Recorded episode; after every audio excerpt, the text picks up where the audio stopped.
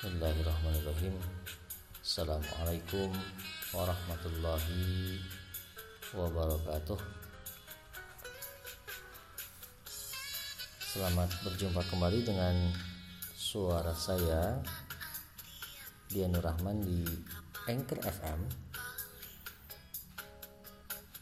Untuk kesekian kalinya saya membuat podcast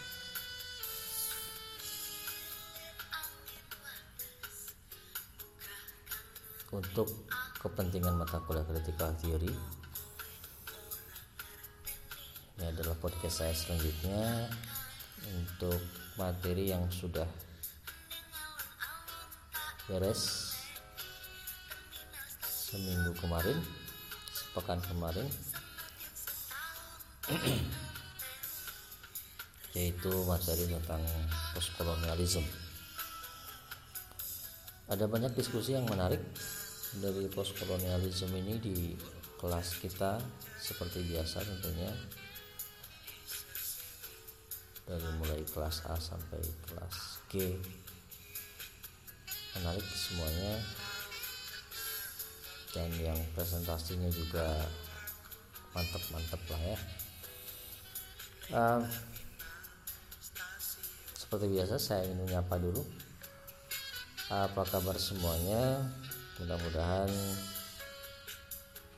anda selalu sehat selalu sehat lahir batin selalu ceria apa pun yang terjadi tetaplah optimis mengenai banyak hal karena kalau tidak optimis tentu kita tidak punya harapan untuk melanjutkan kehidupan kita. Optimisme ya yang kita bisa plesetkan optimisme. Baik saudara-saudara. Eh, khususnya bagi anda yang mempelajari critical theory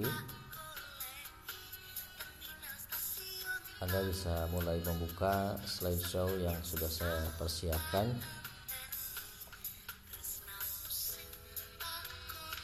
Seperti biasa slideshow saya warna-warni dengan background gambar-gambar yang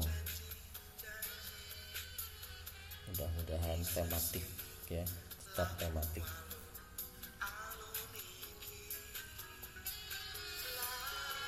Uh, oh ya uh, mungkin agak aneh. Ini backsoundnya nggak aneh juga sih. Ini lagu Jawa ya. Lagu campur sari banyaknya lagu campur sari nanti. Tapi di aransemen ulang dengan menggunakan aransemen jazz bossa nova ini juga merupakan satu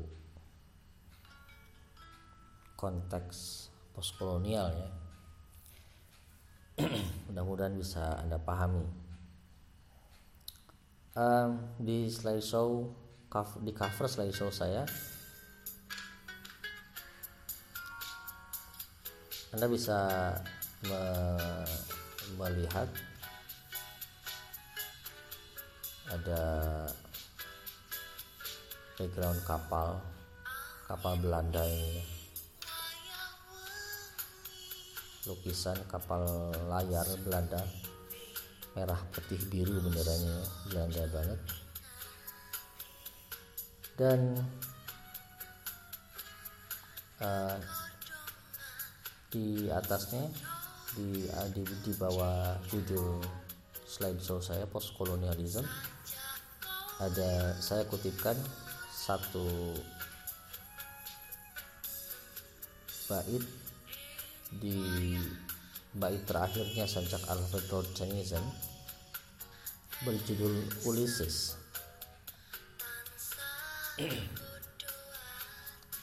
Saya bacakan come my friends it is not late to seek a new world.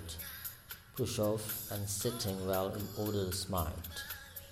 Sounding furrows for proposed holds to sail beyond the sunset and the baths of all the western stars until I die. Sajak ini secara keseluruhan bercerita mengenai Ulysses yang di masa ini alusi ke masa Yunani kuno mitologi Yunani kuno Ulysses yang eh, merupakan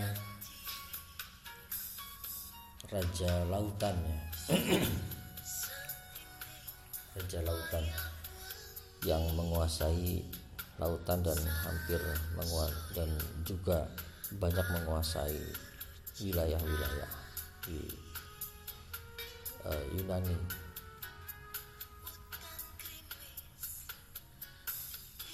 Dan sajak ini di ujungnya Anda bisa lihat dan ini yang tadi saya bacakan. Jadi my friends, just not to let the sick in your world jadi ini adalah satu satu dorongan satu motivasi untuk orang-orang Eropa untuk mencari dunia baru dan yang paling menarik perhatian kita adalah dua lari di akhir to sail beyond the sunset and the baths of all the western stars until I die. Jadi to sail beyond the sunset. Berlayar membelakangi matahari gitu. Eh, matahari terbenam maksudnya. Berlayar mem membelakangi matahari terbenam. Ini berarti kan berlayar menuju ke timur ya. Belajar e, berlayar maksud saya. Berlayar menuju ke timur. Karena membelakangi matahari terbenam. Nah ini. Dan ini adalah satu bentuk justifikasi dari dari apa yang akan kita bicarakan. Di slide berikutnya uh, tentang kolonial discourse um, di slide soal itu saya menulis what was colonial discourse dan jawabannya tentunya tidak bisa kita pungkiri. Berbicara mengenai wacana kolonial adalah berbicara mengenai orientalism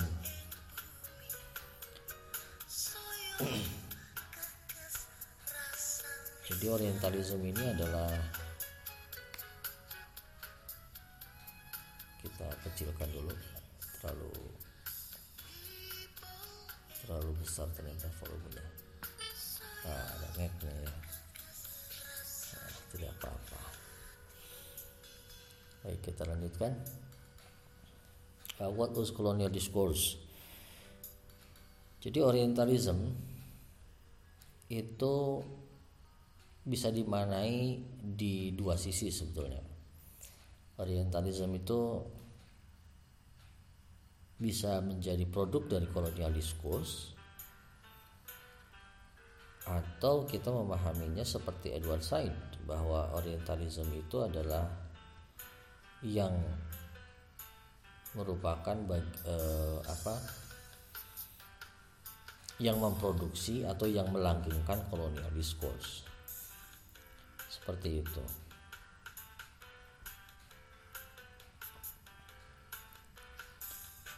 Um, apa sih orientalism? Sebetulnya beragam presentasi yang sudah tersaji di kelas kemarin itu sudah cukup jelas ya cukup uh, bagus. Keren-keren semuanya. Ketika menjelaskan apa itu orientalism dari kacamata Edward Said tentunya.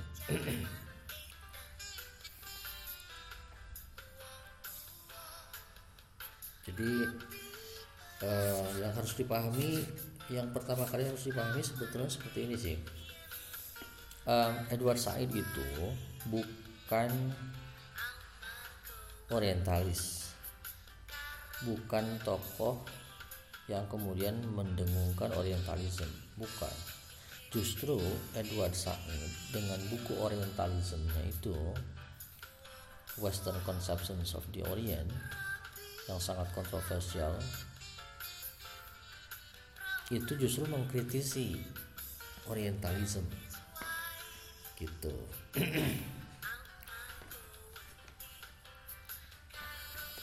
Um, lalu kapan sih orientalism itu mulai muncul? Di bab pendahuluan yang tersaji di buku saya itu ya memang tidak terlalu diperinci ya karena adanya di bab selanjutnya bab, -bab selanjutnya tapi yang jelas saudara eh,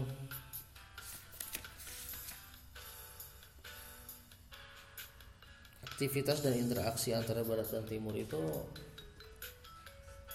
sudah sangat berkembang ya eh, pada abad 10 abad 10 itu berarti tahun 900-an ya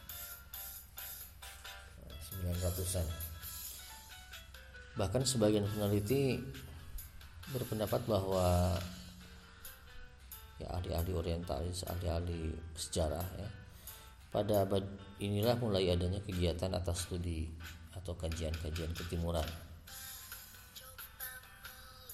Um, tidak bisa dipisahkan mungkin dari konstruksi sejarah perang salib ya. Nah, perang salib itu kan tahun 1100 kurang lebihnya itu berlangsung beberapa uh, berapa abad di dua abad kalau nggak salah perang salib itu. Cuma mungkin yang tapaknya lebih rasional kayaknya um, kita bisa mengaitkan orientalisme itu adalah produk dari um, imperialisme dan kolonialisme, kolonialisme Eropa. Di um, yang modern ya di mulai abad 17-an lah. Abad 16 17 uh, itu di saat uh, apa ya ketika Daulah Usmaniyah atau Turki Utsmani yang kita sebut Turki Utsmani itu mulai melemah kekuasaannya. Nah, kayak gitu. Nah, Orientalisme itu dari awal Said bilang Anda boleh buka teksnya. Dari awal banget itu Said itu mengemukakan bahwa orientalis uh, sorry uh, Orient itu atau Timur itu katanya tidak pernah bisa lepas dari Eropa dan bahkan Timur itu hampir selalu merupakan bentukan Eropa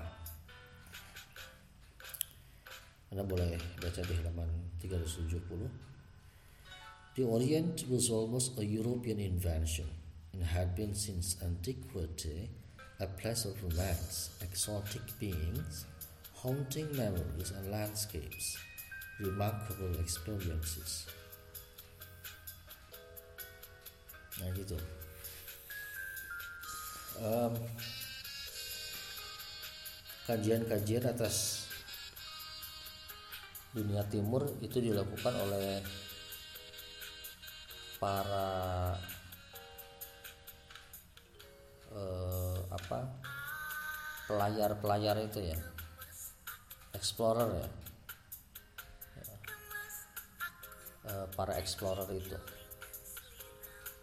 Jadi um,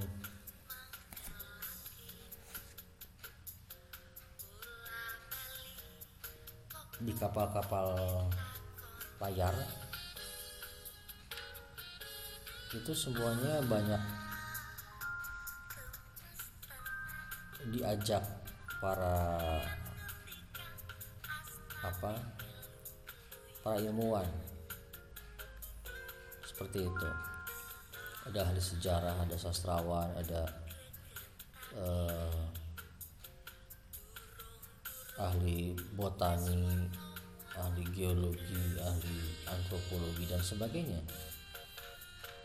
Banyak sekali. Gitu. Dan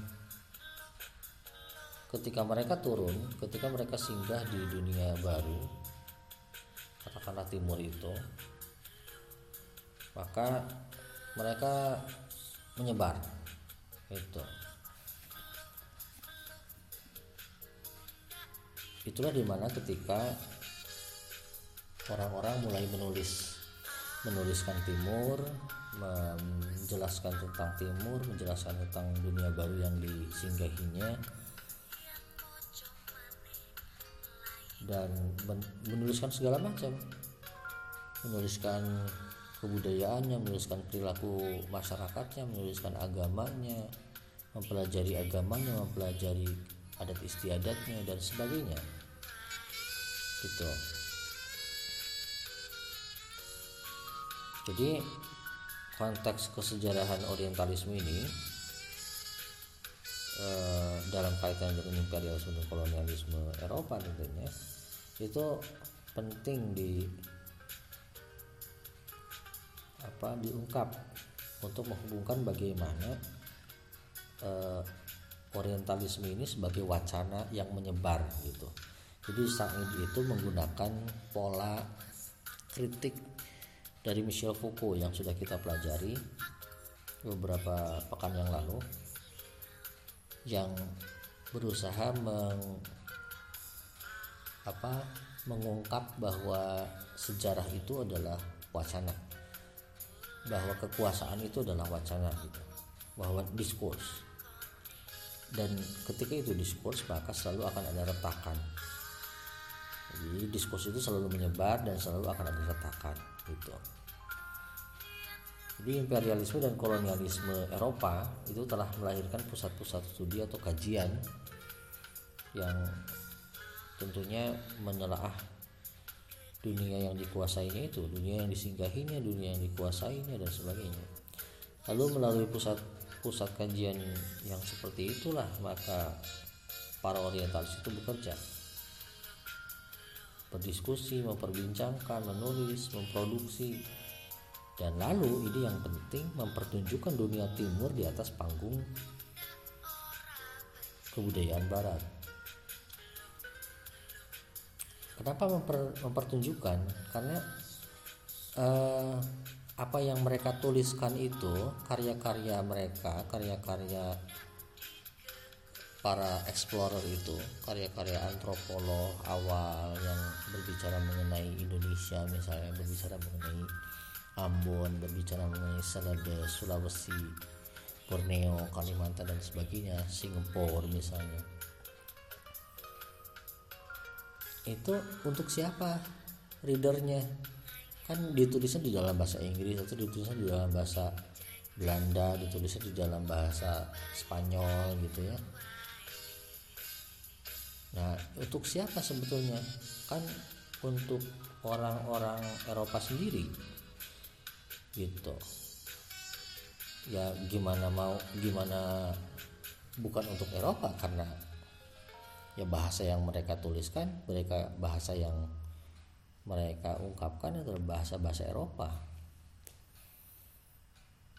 Kan orang orang jajahannya nggak bisa bahasa Eropa orang India kan nggak bisa bahasa Eropa awalnya nggak bisa bahasa Inggris awalnya.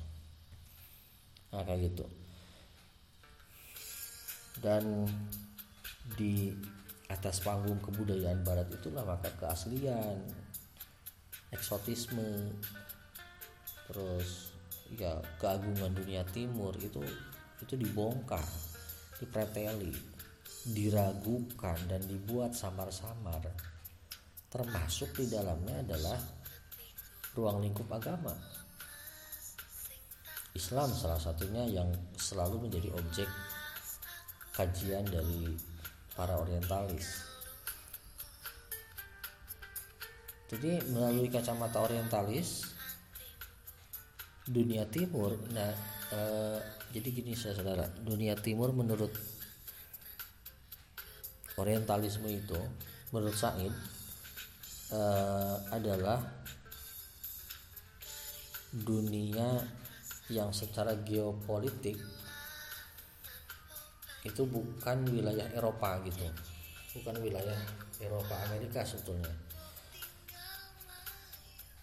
Makanya di di di, di esainya Spivak itu disebutkannya third world ya dunia uh, dunia ketiga. Gitu ya secara sederhana dunia pertama uh, Eropa dunia keduanya Amerika dunia ketiganya adalah dunia-dunia di luar Eropa Amerika itu. Secara ilmu politik bukan itu sih sebetulnya tapi kalau secara ilmu politik itu dianggap third itu adalah dunia yang undeveloped yang terbelakang gitu. Ya sebetulnya sama saja pemahamannya. Maka melalui eh, apa kacamata orientalis timur itu dunia timur dunia ketiga itu diproduksi sebagai suatu bentuk yang hibrida. Hybrid tidak ada lagi timur yang murni dan orisinal. Eh, di beberapa kelas kemarin saya mencontohkan orang Indonesia ramah. Orang Indonesia ramah misalnya atau murah senyum misalnya. Itu ramah murah senyum itu kata siapa itu yang jadi masalah. Kebanyakan kan kata orang-orang barat yang yang mendefinisikannya orang barat gitu loh gitu. Jadi orang timurnya sendiri kitanya sendiri orang orang nusantaranya sendiri Indonesia nya sendiri misalnya orang Indianya sendiri orang Afrikanya sendiri itu tidak tidak bisa bukan tidak bisa dibuat seolah-olah tidak bisa mendefinisikan dirinya sendiri. Karena dianggap mereka tidak berilmu tidak berpengetahuan. Gitu. Dan dari proyek hibridisasi inilah maka di anda bisa di bisa apa ekspor di tulisannya Said Barat itu mendeklarasikan dirinya sebagai self tentunya sebagai diri. Dan yang dan di luar Barat di luar di luar Eropa itu others. Lian gitu. Yang lain yang yang aneh. Gitu. Dan pendeklarasian ini sebetulnya kalau saya sih melihatnya sebagai upaya paradoks ya, yang bertentangan dalam memandang dunia timur jadi di satu sisi timur itu dijadikan tempat penyimpanan atau proyeksi dari aspek mereka atau barat sendiri yang tidak mau mengakuinya, tidak mau diakuinya. Kayak kejahatan, dekadensi moral, eh, apa ya, terus keliaran gitu. Padahal kan mereka juga di negerinya di Inggris misalnya kan dekadensi moral ada terjadi kejahatan terjadi kriminalitas terjadi keliaran-keliaran itu terjadi dan sebagainya. Tapi mereka seolah-olah menjadi suci ketika mereka datang ke tempat baru yang mau dan ingin dikuasainya itu itu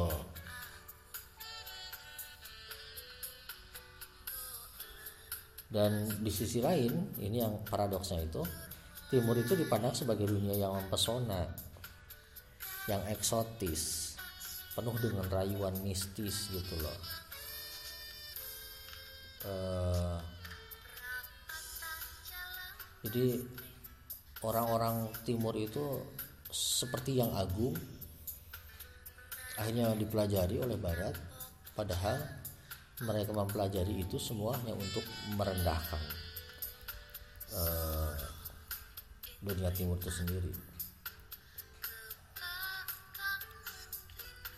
Seperti itu.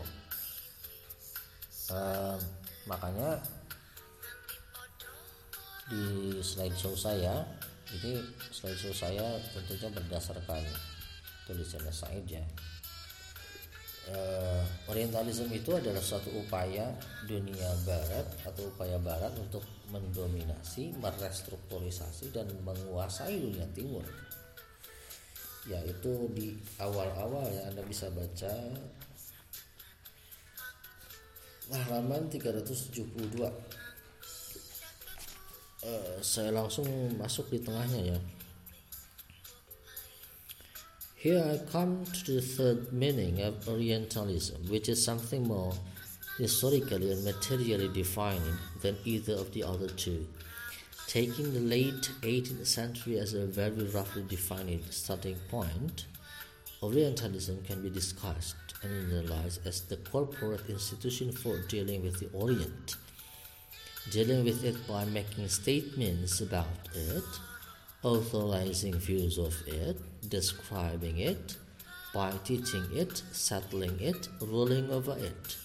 In short, Orientalism was as a Western style for dominating, destructuring, and having authority over the Orient. Uh, Jadi upaya gaya barat itu untuk mendominasi, merestrukturisasi dan menguasai akhirnya. Menguasai itu ya menjajah untuk. Jadi imperialisme itu tidak cuma sekadar diskurs. Orientalismnya, teks-teks yang membahas dunia timurnya itu orient uh, sorry itu imperialisme. Nah, sedangkan produk dari orientalism yang kemudian membuat barat termotivasi untuk menguasai dunia timur itu itu adalah kolonialisme pendudukan nah, gitu. Ya kan awalnya gitu kan awalnya mencari dunia baru. Awalnya oh tertarik kok di Ambon ada banyak sekali rempah-rempah ya gitu maka Portugis datang gitu kan di situ. Oh di timur juga sama gitu. Oh ternyata di Borneo di Celebes di Jawa itu itu apa kaya sekali. Akhirnya kan Belanda datang gitu. Nah makanya Anda harus tahu bahwa kenapa misalnya Indonesia itu disebut East Indies. East Indies ya. Oleh oleh orang Belandanya dalam sejarah itu disebut East Indies. Indies itu yang dimaksud Indies itu adalah India India Timur gitu. Indies in, East Indies itu. Nah dalam bahasa Melayu kita kan mengucapkannya Hindia Nah, jadi sebetulnya India itu India itu India gitu. Kenapa disebut India Timur? Karena sebetulnya Belanda dan Inggris itu kan bersaing. Pengen menguasai India, cuma keduluan. Inggris lebih dulu kemudian menguasai India. Kebetulan kontak antara India dan masyarakat Nusantara itu kan jauh sekali sebelum uh, sebelum Belanda masuk ya.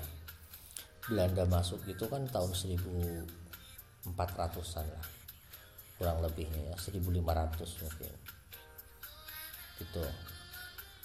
Mulai awal adanya uh, eh, VOC ya Verenigde Oost Indische gitu company VOC perusahaan dagang. Nah kurang lebih 1500an lah ya. Sedangkan sebelumnya itu di Nusantara kan beragam kerajaan. Yang kemudian kerajaan-kerajaan itu kita kita eh, apa? Ya Singosari Sriwijaya Majapahit. Itu kan coraknya Hindu Buddha. Dan Hindu Buddha dari mana asalnya? Tentunya dari India. Nah alasan alasan salah satu alasan kenapa disebut India Timur itu karena corak kebudayaan Nusantara itu mirip dengan India gitu. Makanya disebut India Timur. Hindia Timur Hindia Belanda akhirnya. Yang dimaksud Hindia Belanda adalah Indianya Belanda gitu. Karena India yang benarnya itu milik Inggris.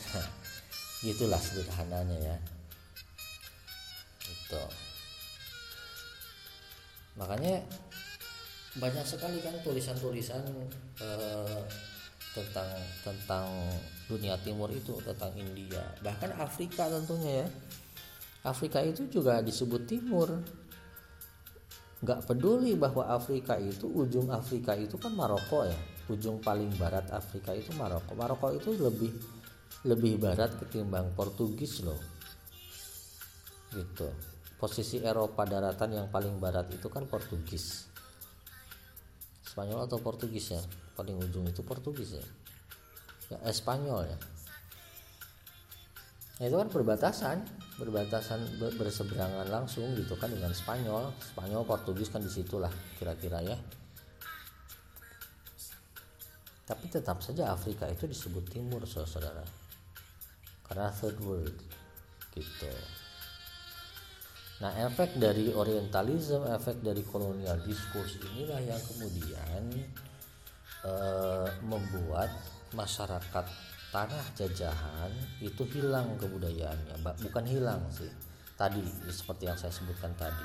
Jadi hibrida sam, dibuat samar-samar gitu loh.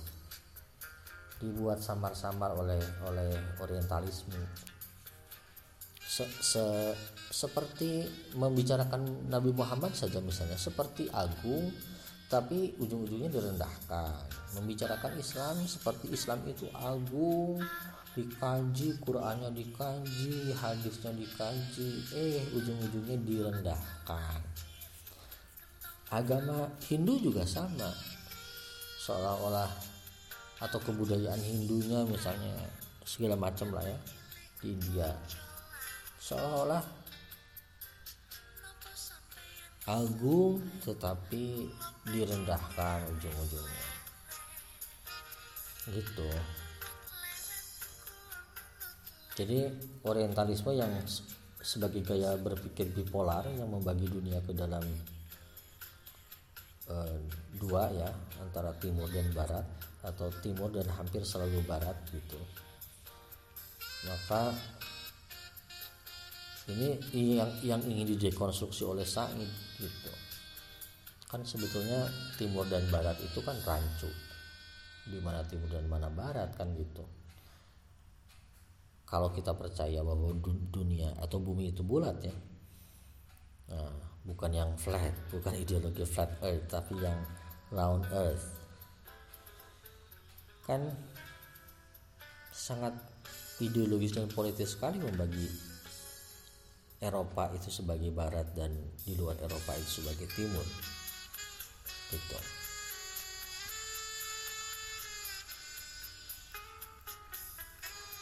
Nah seperti itu eh, kurang lebih ya untuk orientalisme eh sorry untuk ya orientalisme untuk Edward Said. Eh, kebanyakan kemarin juga sudah bagus-bagus menjelaskannya. Eh, yang jelas ketika ada pertanyaan apakah semua orang itu adalah orientalis yang mengkaji timur? Jelas sekali. Semua orang kalau dia menggunakan kacamata barat dalam melihat dunia timur dia adalah orientalis. Itu banyak di antara kita juga yang terkena ya ideologi orientalis itu. Banyak yang yang mengadopsi hampir 100% bahwa seolah-olah kebenaran sejati itu adalah kebenaran yang didengungkan oleh para orientalis sehingga akhirnya mencampakkan kebudayaannya sendiri gitu. Nah kayak gitu. Jadi bukan cuma sekedar political subject matter kan. Di di halaman 381 itu jelas sekali Said mengungkapkan therefore Orientalism is not a political subject matter or a field that is reflected passively by culture, scholarship or institutions. Nor is it a large and diffuse collection of texts about the Orient, nor is it, is it representative and expressive of some nefarious Western imperialist plot to hold down the Oriental world. Bukan cuma sekedar itu.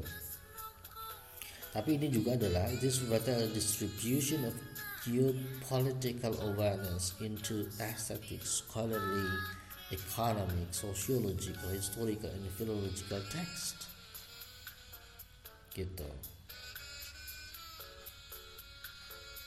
the world is made up to unequal halves orient and occident but also a whole series of interests which by such means of scholarly discovery philological reconstruction psychological analysis landscape and sociological description.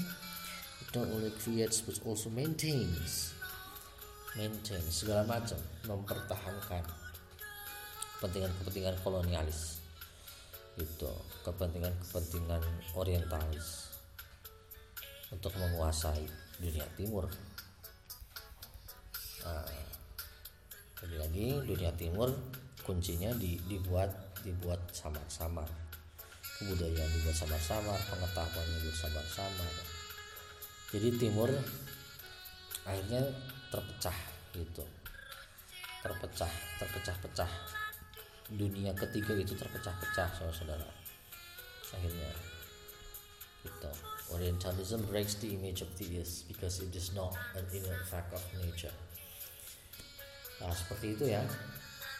Itu kolonial discourse dimulai dari Orientalism maka tidak dapat dipungkiri bahwa teksnya Said bukunya Said yang Orientalism ini ini tonggak dari dari digadang-gadang ya, disebut-sebut sebagai tonggak dari kajian postkolonial.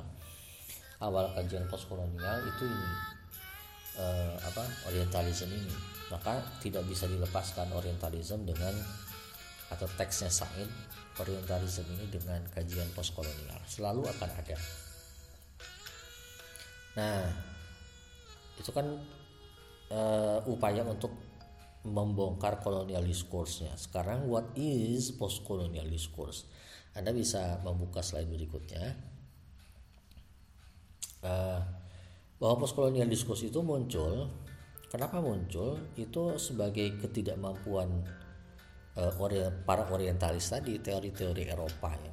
Jadi orientalis itu menciptakan teori teori-teori untuk meng, apa, menceritakan, untuk mendeskripsikan, untuk merestrukturisasi dunia timur itu yang dianggap terbelakang itu yang harus dicerahkan, dicerdaskan oleh mereka gitu.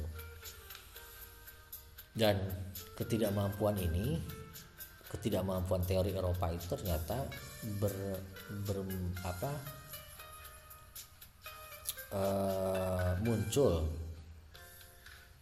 dari beragam budaya, beragam produk dan praktik budaya postkolonial. Jadi begini, masyarakat jajahan itu ditinggalkan oleh para imperialis, para kolonialis. Masyarakat jajahan ini kadang bingung. Mau menginduk ke mana gitu kan? Sistem pemerintahnya mau menginduk ke mana? Eh, kebudayaannya akan seperti apa setelah dijajah? Makanya harus dibedakan antara kebudayaan prakolonial kebudayaan masa kolonial dan kebudayaan postkolonial itu pasca kolonial kita ambil contoh Indonesia saja yang dekat ya yang yang negara apa bangsa kita gitu. Jadi prakolonial itu kan eh, masa-masa wilayah kerajaan Hindu Buddha ya Sriwijaya Majapahit eh, Mataram kuno gitu kan Singosari ya, tadi sudah saya sebutkan juga. Itu prakolonial.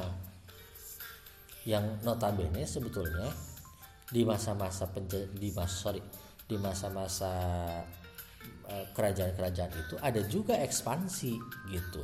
Ada juga kolonialisme. Kan Majapahit disebutkan menguasai hampir uh, seluruh wilayah Nusantara sampai ke uh, Malaysia sampai ke apa Filipina kan? Gitu itu wilayah kekuasaan Majapahit bahkan di beberapa teks sejarah katanya hampir menguasai Cina gitu. Hampir menguasai Cina.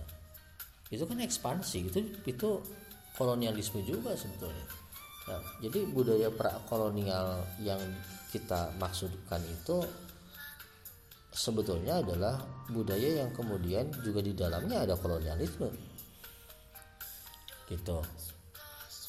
Maka hari ini ketika kita berbicara masalah postkolonial ini postkolonial yang mana sebetulnya? Gitu. Ketika misalnya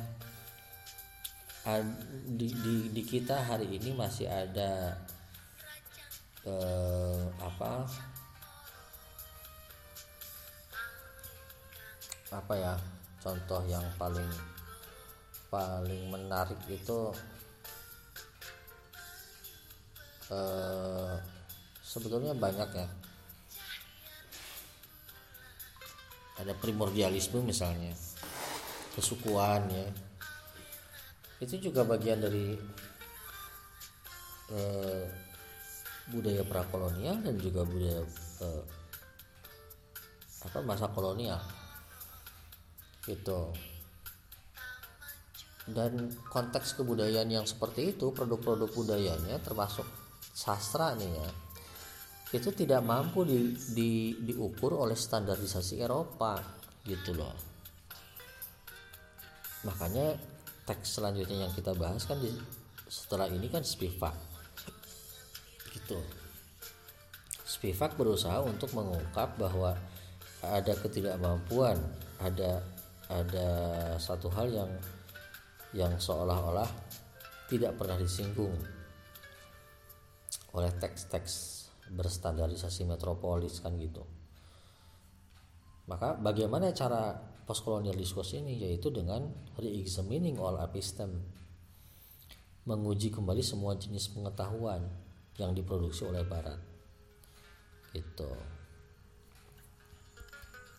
Dan kritik sastra postkolonial itu menggunakan pola dekonstruksi ya gitu. Jadi a way of reading and rereading text of both metropolitan and colonial cultures. Nah jadi eh, kenapa misalnya harus orientalisme dulu?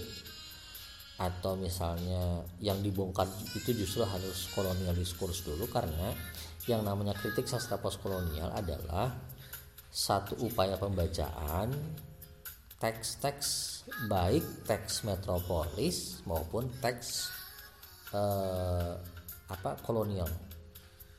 Gitu. Kebudayaan kolonial. Drawing the effect of colonization on literature. Dan berusaha untuk menggambarkan seperti apa efek dari colonization on literature. Ketika it is a form of deconstructive reading maka caranya adalah demonstrating the extent to which the text contradicts its underlying assumptions mulai asumsi-asumsi mengenai peradaban, peradaban yang hebat, keadilan, estetika yang hebat, sensibility race, and reveals it of an unwitting colonialist ideologies and processes. Gitu. Masalah rasisme misalnya, hari ini sedang sedang uh, trending ya. Trendingnya bukan bukan Gunung Jati menggugat tapi trendingnya yang dimaksud saya. Trending tentang Black Lives Matter.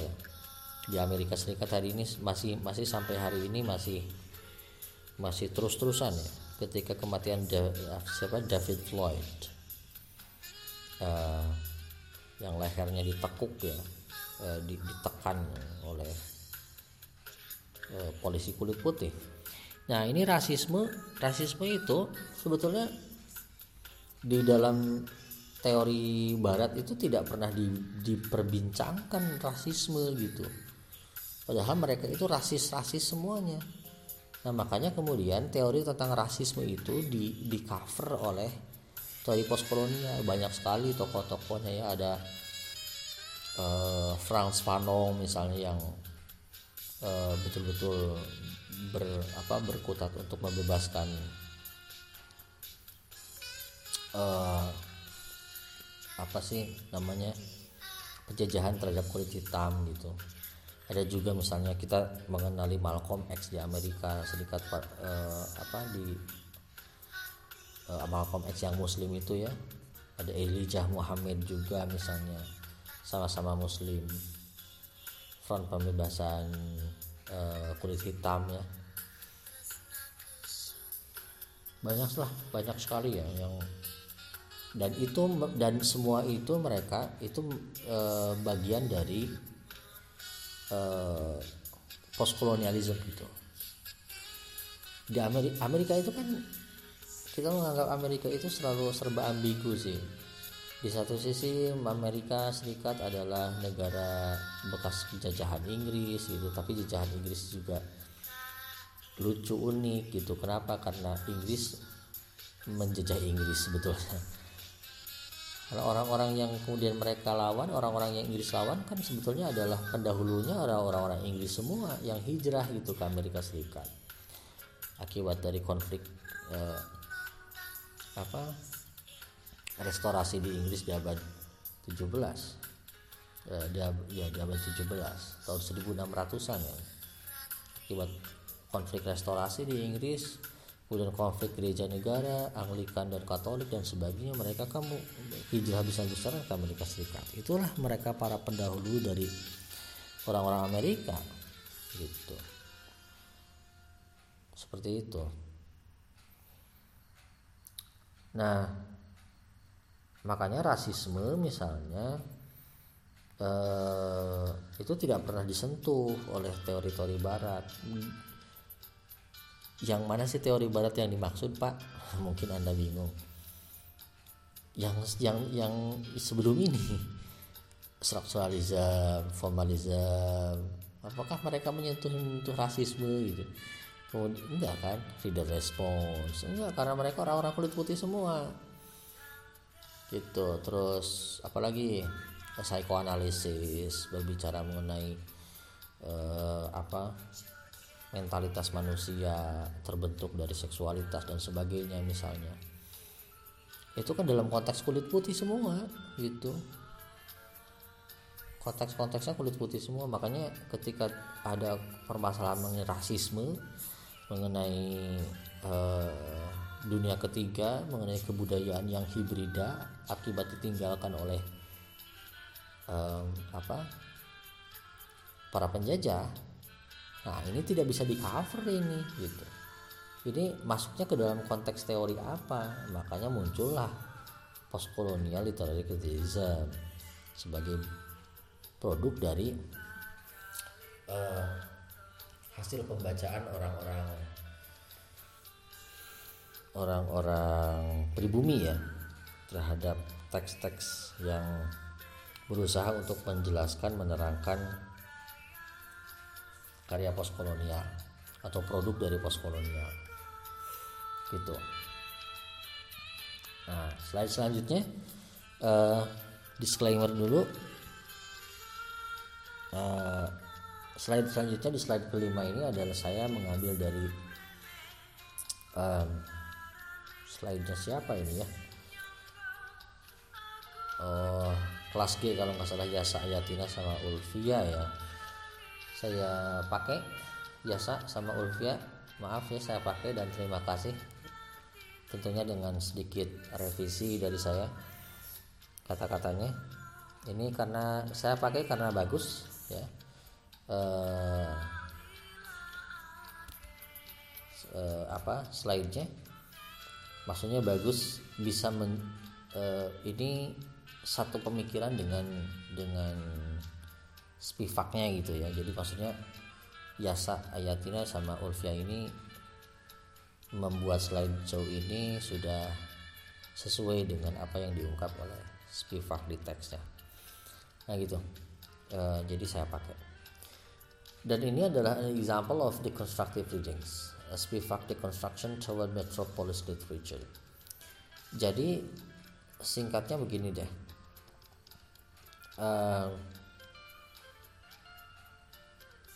ketiga teks ini adalah ketiga uh, ketiga teks ini ketiga novel ini adalah novel metropolis. Karena standarisasi teksnya nilai estetikanya dibangun sangat kuat sekali dengan standarisasi keinggrisan ada hal yang menarik bahwa tiga teks ini ditulis oleh perempuan. Kemudian eh, berbicara mengenai individualitas perempuan. Eh, seolah perempuan itu sudah hebat. Makanya kemudian um, apa ya ketiga teks ini disebut sebagai uh, digadang-gadang sebagai teks uh, terutama Jane Eyre sama White Sargasso sih sebetulnya. Um, makanya Spivak juga membahas Frankenstein di akhir sebagai upaya pembongkaran terhadap itu semua. Um, Jane Eyre sama White Sargasosi dianggap sebagai teks feminis. Tapi Spivak melihatnya lain. Bukan cuma feminis dalam artian individualisme perempuan. Karena itulah yang kosong dari dunia barat ternyata. Gitu. Jadi teks-teks metropolis itu tidak melibatkan perempuan-perempuan yang berada di dunia lain, di dunia timur misalnya. Makanya kemudian Frankenstein itu dianggap sebagai upaya untuk membongkar misi imperialisme, misi kolonialisme. Karena eh, bagaimana manusia itu apa berkompetisi dengan Tuhan untuk menciptakan manusia, untuk menciptakan uh, monster sebetulnya Frankenstein, Victor Frankenstein ya, gitu. Uh, tapi penulisnya Mary Shelley loh perempuan, yang notabene ibunya Mary Wollstonecraft yang sudah kita bahas di semester sebelumnya itu adalah seorang feminis liberal pertama di Inggris atau bahkan di Eropa gitu yang apa meng, memunculkan gagasan tentang pendidikan perempuan itu sangat penting. Nah, yang jadi masalah adalah ternyata ada proses othering the third world di sini. gitu. Bahwa perempuan itu absen ternyata atau tidak muncul dalam upayanya untuk membentuk perempuan yang berkeadilan dengan dengan apa dengan masyarakat misalnya. Atau bahkan dengan dunia di di luar Eropa itu. Seperti itu. Jadi eh, di beberapa sisi perempuan di di Eropa juga tetap tertindas kalau dia tidak mengikuti pola kehidupan patriarki Nah, maka mereka banyak berbicara mengenai kebebasan perempuan secara individualitasnya. Nah, ketika kita berbicara mengenai dunia ketiga, kata Spivak, perempuan di dunia ketiga, di dunia jajahan, itu bahkan mengalami double colonization. Gitu jadi dengan melihat ketiga pola cerita dari uh, tiga teks perempuan ini ternyata Spivak dapat melihat bahwa eh, apa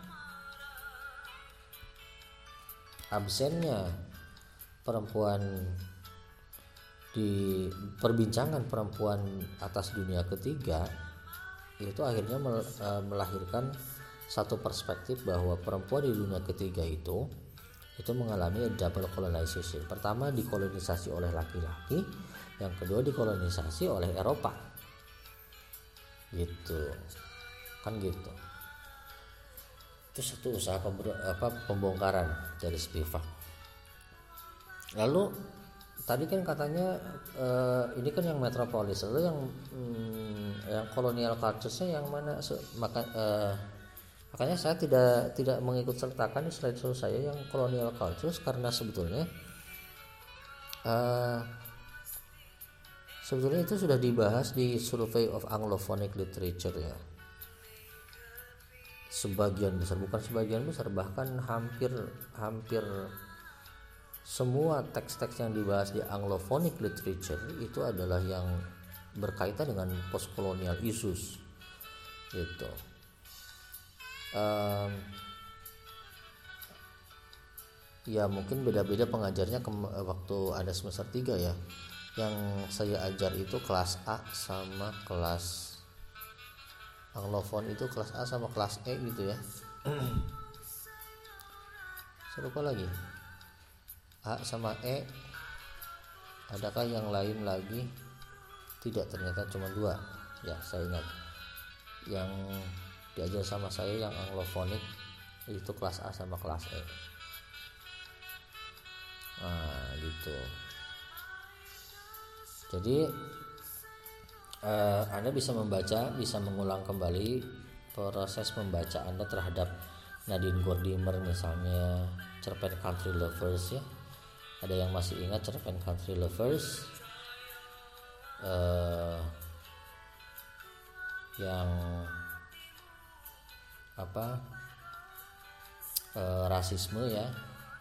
Yang Paulus Eisendik sama TBD itu country lovers Nadine Gordimer itu pejuang pejuang postkolonial walaupun dia sendiri kulit putih dia menolak rasisme itu di Afrika Afrika Selatan ya.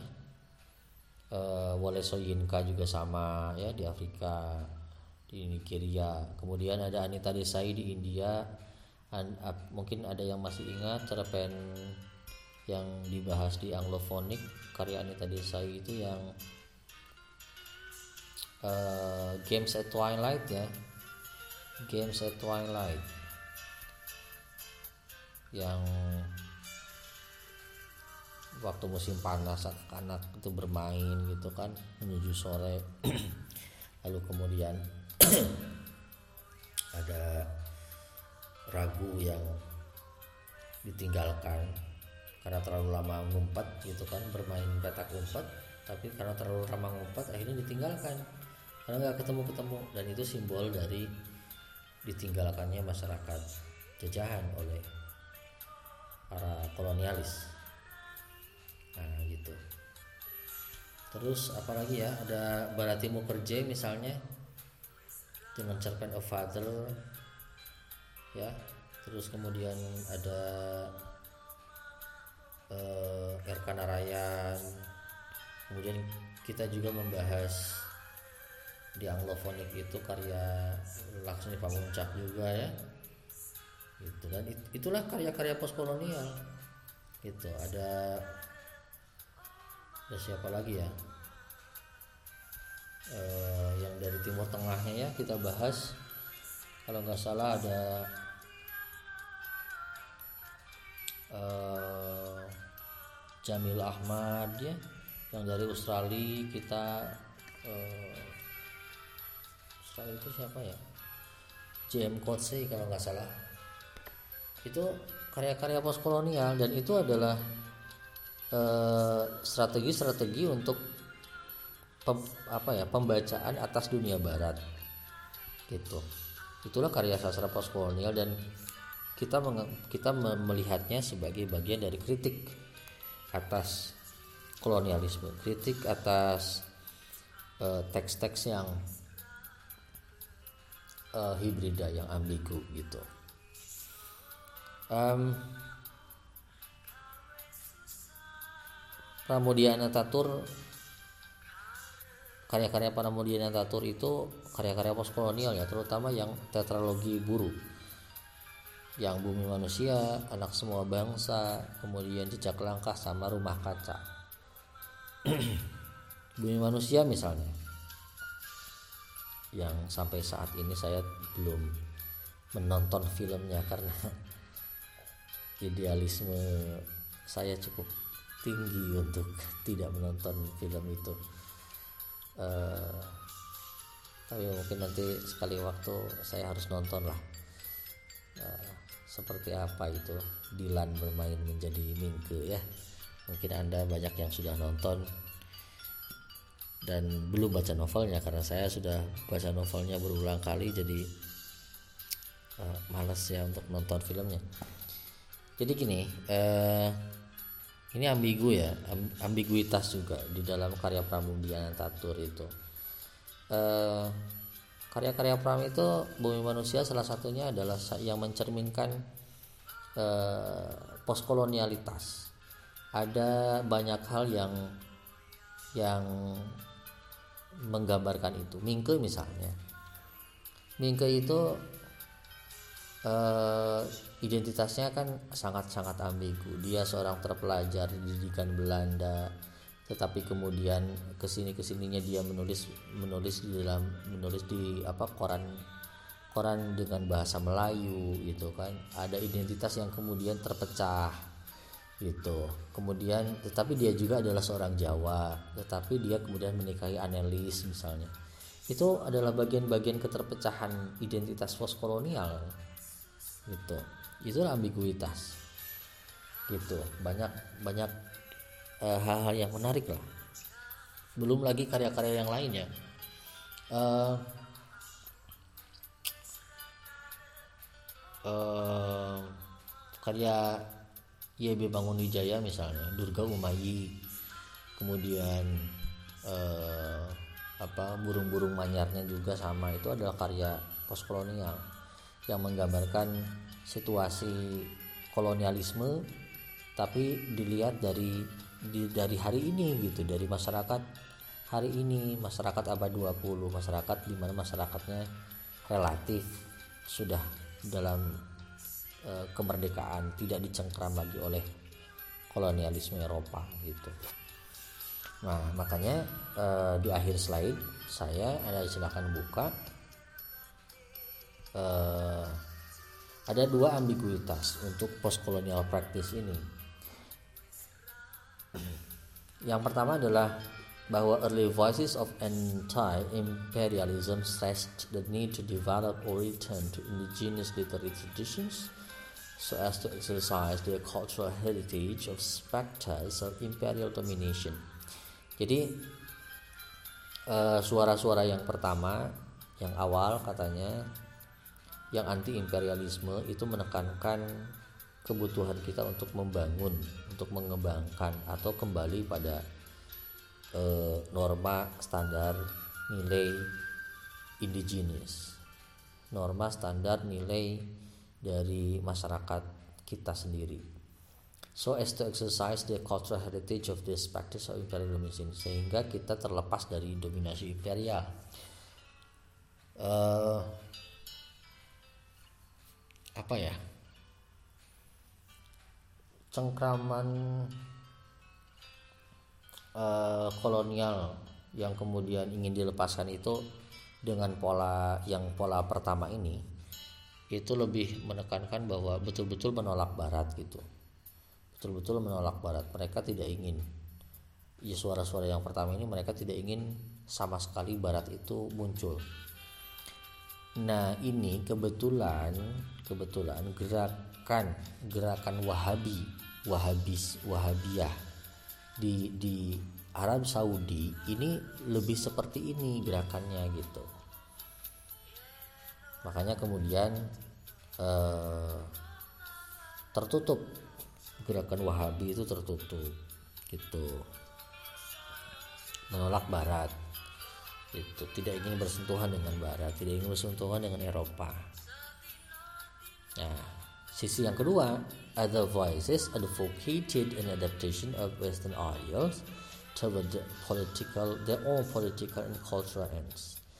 Dan suara-suara yang lain masyarakat yang lain ada yang lebih ingin beradaptasi dengan gagasan-gagasan atau cita-cita barat demi tujuan uh, demi ketercapaian tujuan dari uh, politik dan budaya mereka gitu. Salah satunya ini yang anda dengarkan yang menjadi background dari dari podcast saya kali ini. Ini adalah bagian dari yang kedua other voices advocacy and adaptation of western ideas. Jadi lagu Jawa tidak pakai kendang, tidak pakai gamelan, ya, padahal campur sari, tetapi ada di, di aransemen dan di, kemudian diberi musik eh, bossa nova, jazz yang notabene datangnya dari barat, nah, itulah kira-kira ya, itu uh, true ambiguitiesnya. Dan uh, terakhir anda bisa lihat gambar di Grote Posway Jalan Raya Anyar Panarukan yang dibuat oleh Dendels uh, Gubernur Jenderal uh, Hindia Belanda. Dia merintis Jalan Raya Anyar Panarukan dari Anyar sampai Panarukan coba yang kemudian kita kenali dengan jalur Pantura. Itu itu banyak sekali korban banyak sekali jutaan orang mati untuk demi membuat jalan ini. Tapi apakah kemudian kita harus menangis ketika melewati jalur pantura? Kan enggak juga bahkan mungkin bisa jadi anda berterima kasih dan harus berterima kasih kepada Dendels. Inilah ambiguitas itu. Itu ambivalensi ambiguitas hibrida. Kita kita kita di, di, dibentuk untuk hibrida terus gitu. Ya kita benci kolonialisme Belandanya saat itu. Tetapi terima kasih loh sudah membawa kereta api ke ke Jawa ke Sumatera gitu. Kalimantan dan Sulawesi sampai hari ini belum ada kereta api ya. Apalagi Papua gitu jadi baru baru Jawa dan Sumatera karena Belandanya cuma sampai di sini. Gitu. Itu ambiguitas. Nah kira-kira seperti itu saudara-saudara postkolonialisme. Eh, yang jelas berbicara mengenai postkolonialisme adalah berbicara mengenai segala macam hal yang berkaitan dengan dunia kita hari ini. Eh, imperialisme itu selalu akan ada Penjaj proses penjajahan itu penekanan terhadap satu bangsa satu komunitas itu selalu akan ada. Maka pentingnya kemudian mempelajari postkolonialisme atau postkolonial theory adalah bagaimana kita bisa melepaskan dari jejaring cengkraman itu dengan mengkritisinya tentunya. Dan tentunya terserah silakan anda mau pilih yang mana mau lebih beradaptasi dengan western ideals atau ingin menyerang western ideals sepenuhnya. Silahkan gitu. Itu saudara-saudara eh, podcast saya hari ini eh, kali ini untuk postkolonialisme. Banyak sebetulnya ingin saya bicarakan tetapi sudah terlalu panjang. Termasuk saya juga ingin membicarakan eh, penelitian saya dari dari tesis saya karena tesis saya kebetulan juga adalah kajian postkolonial ya waktu S2 itu tapi ya tidak usah terlalu banyak menjelaskan dari ini juga sih karena toh anda juga sebetulnya sudah paham. Nah nanti postkolonialisme juga bersinggungan dengan materi terakhir yang dimulai besok ya hari Senin sampai Kamis seperti biasa. materi terakhir tetapi bukan berarti pertemuan terakhir ya. Karena pertemuan terakhirnya ada di pekan terakhir bulan Juni jadi kita tetap bertemu di WAG kalau misalnya masih ada pertanyaan atau apa pun yang ingin dibicarakan di nanti kita diskusikan kembali. Gitu. Pekan ini eh, selamat eh, menikmati materi terakhir. Akhirnya buku tebal buku saya yang jumlah halamannya berapa ini? 477 halaman akan kita tamatkan besok atau mulai mulai besok pekan ini. Baik itu saja saudara-saudara. Stay safe uh, stay healthy. Jaga jarak cuci tangan pakai masker. Insya Allah kita menang dan bisa melewati pandemi COVID-19 Wabillahi taufiq walhidayah Assalamualaikum warahmatullahi wabarakatuh